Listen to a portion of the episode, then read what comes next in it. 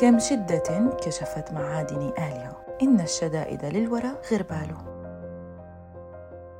أنا دلال عبد الله عيسى المعراج من دولة البحرين من المنامة مسقط الرأسي متزوجة عندي من الأولاد ثلاثة أولاد وبنت الله يحفظهم. أنني أعمل في أحد الجامع المؤسسات التعليمية في دولة البحرين. وما زلت أعمل.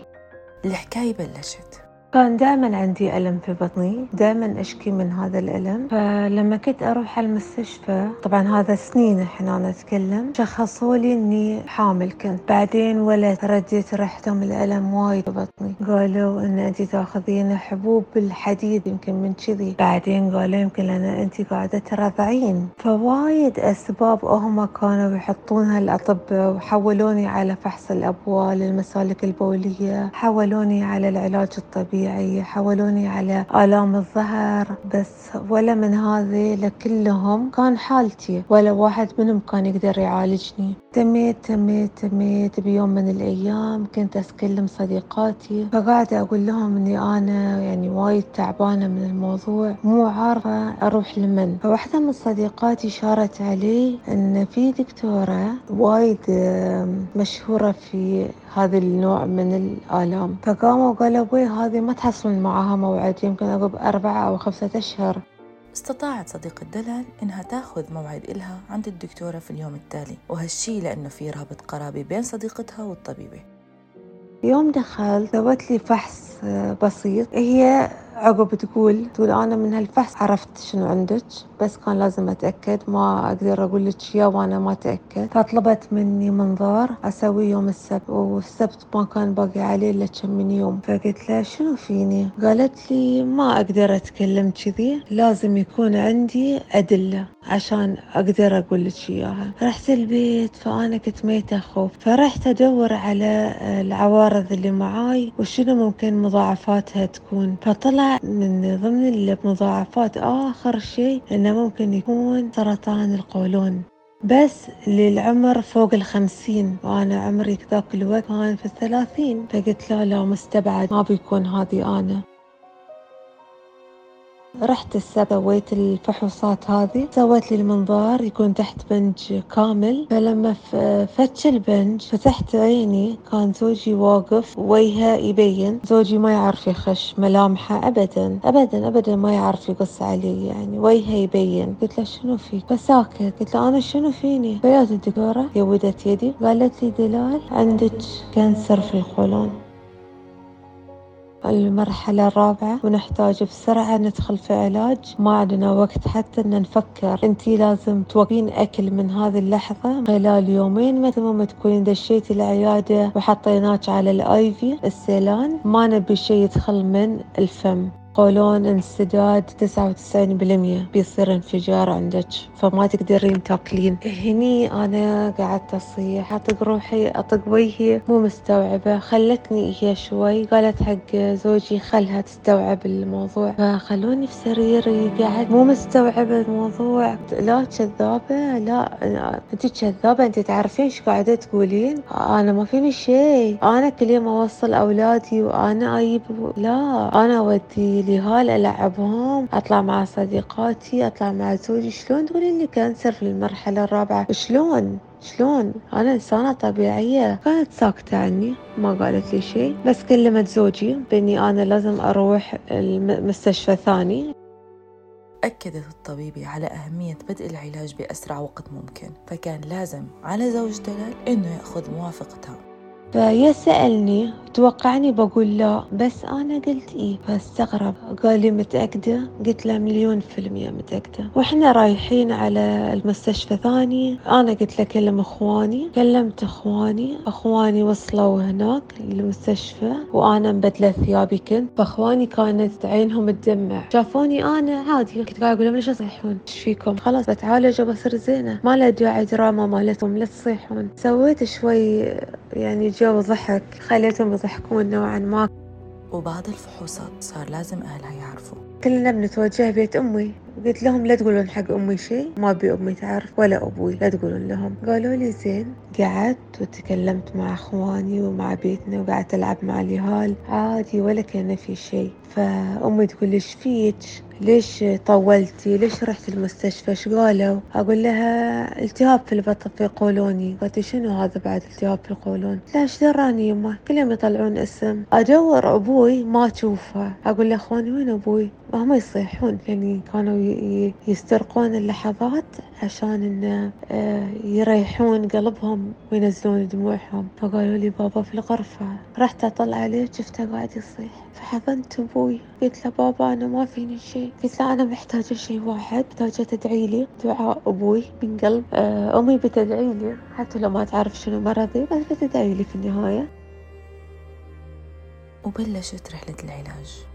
سويت عملية الاستئصال. عقبها بكم من يوم بس سويت عملية استئصال. ليه وقت العملية عشرة كيلو نزل. لأن كنت على السوائل أسبوع كامل بس سوائل. عقب السوائل هذه والعملية تميت عندهم آه، تقريبا أربعة أو خمسة أيام عشان يخلوني أرد أقدر أوقف وأرد أقدر أمشي. بعدين يوم خلصنا هذا كله يا وقت العلاج الكيماوي. فحولوني على دكتور. فرحت طبعا أول مرة جلسة كلامية. قعدت معاه فكان يكلمني عن الكيماوي شنو بيسوي فيني؟ ما كان قاسي بالعكس كان حنون الدكتور بس كان لازم يقول لي هالكلام. ما يفاجئني فيه وانصدم. تقبلت اللي قاله. قدامه بس قدام نفسي أنا ما متقبلة شيء. فقعدت مع نفسي أصيح وصديقاتي ما قصروا كانوا على طول معاي.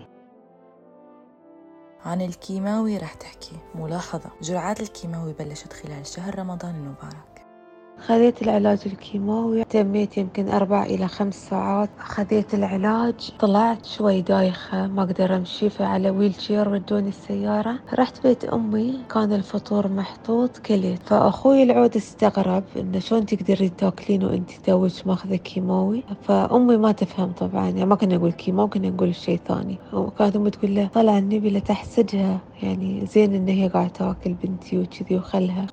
فاكتشفت إن في أكلات وايد كانت تأذيني تأذي بطني زيادة وعقبها أضطر إني أروح الطوارئ وأتبهدل وايد. حاولت وحاولت وحاولت أتأقلم معاه رابع جرعة بدأ شعري يطيح. فتفاجأت جدا. قلت لأنه في في البعض قال لي احتمال ما يطيح فلا تشيلينه. هاي يعني غلط الطيحة اللي يقول تشيلي شعرك مو بلازم إنه هو يطيح. فقام يطيح يطيح بشكل مخيف يعني مخيف. ما تقدر ما أقدر ألمسه الخصلة كبر في يدي. ما أقدر أمشطه إلا شيء عود طاح بيدي. شيء ما أقدر أوصفه الحين. يعني هذا هذا إحساس الشعر ما ما أقدر أوصفه من زود ما كان أقوى شيء علي أقوى من كل اللي صادني. بقول أمانة يعني فوايد كان شيء صعب صعب صعب صعب جدا علي.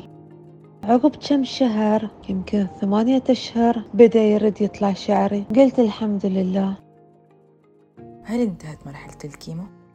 ما زلت محتاجة إلى جرعات إضافية وممكن بعد شعري يرجع يطيح. وعن الصديقات الحقيقيات واللحظات الجميلة اللي بيصنعوها بالرغم من الحزن والألم. صديقاتي من خير الصديقات. ما شفت مثلهم. آه عيد ميلادي يمكن أحلى عيد ميلاد مع وجود الحزن. إن أنا جاية من كيماوي وبرد أروح كيماوي عقب ثلاثة أسابيع. إنهم حاجزين مطعم وما قالوا حقي قالوا حق زوجي إنه يسوي روحه. هو عازمني وعقب يمشي. ولما دخلت المطعم تتفاجأت إن المطعم كامل هم حاجزينه حقي. فالشي كان من أحلى اللحظات. هذه من أحلى لحظات صديقاتي. وعن الهدف. بديت أركز أكثر على أهدافي. أركز على دلال شنو تبيه كل كان يقول أم مثالية أم مثالية بنت مثالية زوجة مثالية الكل يمدحني. بس أنا يا دلال كانت عندي أحلام بعد أبي أسويها بس واقفة بسبة الأولاد. فلأن في هذه الفترة كانوا أولادي شوي يبتعدون عني وهذا قل ما كان يصير وأنا في وضعي الطبيعي. بدأوا يتعودون مثلا يومين عند أمي عقب عندي. وأضطر إني أخذ أقوى الأدوية والمسكنات بعد أجيب عيالي من عند أمي أقول أبي أشوفهم قدامي. وهما آه، اللي قاعدين يقووني. ترى أنا قوتي أخذها منهم. أبي أكتب أبي يكون لي كتاب خاص. ما أدري هل بيكون عني ولا هل بيكون عن قصتي ولا هل بيكون عن شيء ثاني. شيء سعيد لأني أنا أحب السعادة وأحب الدنيا السعيدة. أنا ما أحب الملل. يعني إذا كان حب الحياة عندك ما قاعدة تحصله فلا تعيش. الحياة ما تسوى. إني أنا لازم أكون سعيدة لازم أكون قد الشيء اللي أسويه. هل الألم ممكن نحوله إلى أمل؟ نعم ممكن. في الأيام اللي إحنا زينين فيها خلنا نقوم نعيش والأمل موجود وما نفقده أبد. الطموح. اللي أعرفه أني أنا أبي أعيش. عن الحب والرجولة والإخلاص والوفاء. قال بتول بقول أبوي بقول إخواني بقول قبل هذين كلهم كان زوجي موجود. زوجي أبو حمد عصام الملا. وهو أكثر واحد أكثر واحد كان يضحي بوقته براحته بكل شيء. كان مستوعب ويتحمل عصبيتي ويتحمل مزاجي يتحمل كل اللي أنا فيه. أرفع له القبعة. لو يصير أخذ عيني أشيل عيني. وكافية. أكافئ هالزوج فيهم. ما بقصر وما بفكر ولا دقيقة. بهالحلقة دلال حبت تهدي زوجها رسالة من القلب. فأنا مستعدة أسوي لك اللي تبيه أبو حمد. مقابل وقفتك معاي. مقابل إنك تخليني أكون قوية كذي مقابل إنك تروح تركض على العلاجات الممكنة حقي لما أنا أضعف أنت تكون أقوى مني بوايد لما أنا أكون أح... لما يشوفني أنا ضعيفة هو يروح يبدل الأساليب يبدل يسويني قوية بدون ما أدري يكلم فلان يكلم أحد يكلم ذي ما أشوف إلا أحد صدفة جاي عندي فهو كان يلعب دور عود والله يخليه حقي وحق أهله إن شاء الله. صدقيني يا دلال هيك رجل ما رح يستنى منك مقابل لأنه زوج ورجل وأب بكل معنى الكلمة وإنتي ما حتكتشفي قيمة هالحب إلا بلحظة ضعفك. كنت أحس إني قاعدة أضعف أضعف وايد وزوجي هو قاعد يفهمني أكثر مما أنا قاعدة أفهم حق نفسي. زوجي ياخذني من يدي يقول لي أنا خذيت لك موعد. مع طبيب نفسي بتروحين بتكلمين معاه يعصبني يقول لي أنا مو مستعد. عقب هالسنين كلها من التعب معاك من مستشفى لمستشفى من بلد لبلد أنا تقوليني أنا ما بصير زينة وإني أنا بموت. مو انت اللي بتقولين كذي ولا أنا اللي بسمح لك تقولين كذي. فيخليني أكون مرة ثانية دلال القوية.